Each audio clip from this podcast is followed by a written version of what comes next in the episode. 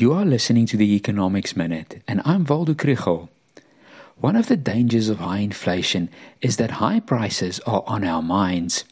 We think and talk about how expensive everything has become, and before long, it affects the inflation rate that we expect for next month and next year. Then you raise the prices at your business, or you ask your boss for a big increase. And if everyone does that, we just end up feeding the inflation monster. Research shows that this is not just a story that economists tell.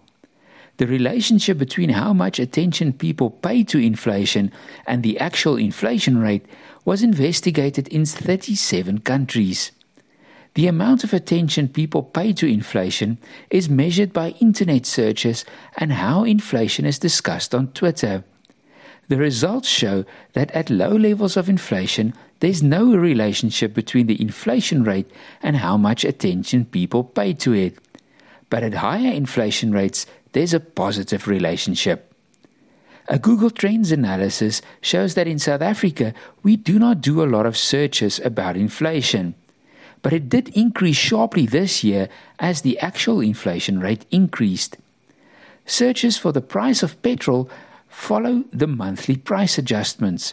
And from February, there are many more searches about food prices. September's consumer price inflation rate is published today, and it looks like it will remain stubbornly high. But we should keep hope that the pressure will ease towards the end of the year as the world economy grows more slowly. The rate of inflation and our expectations about it must get back into the Reserve Bank's target band.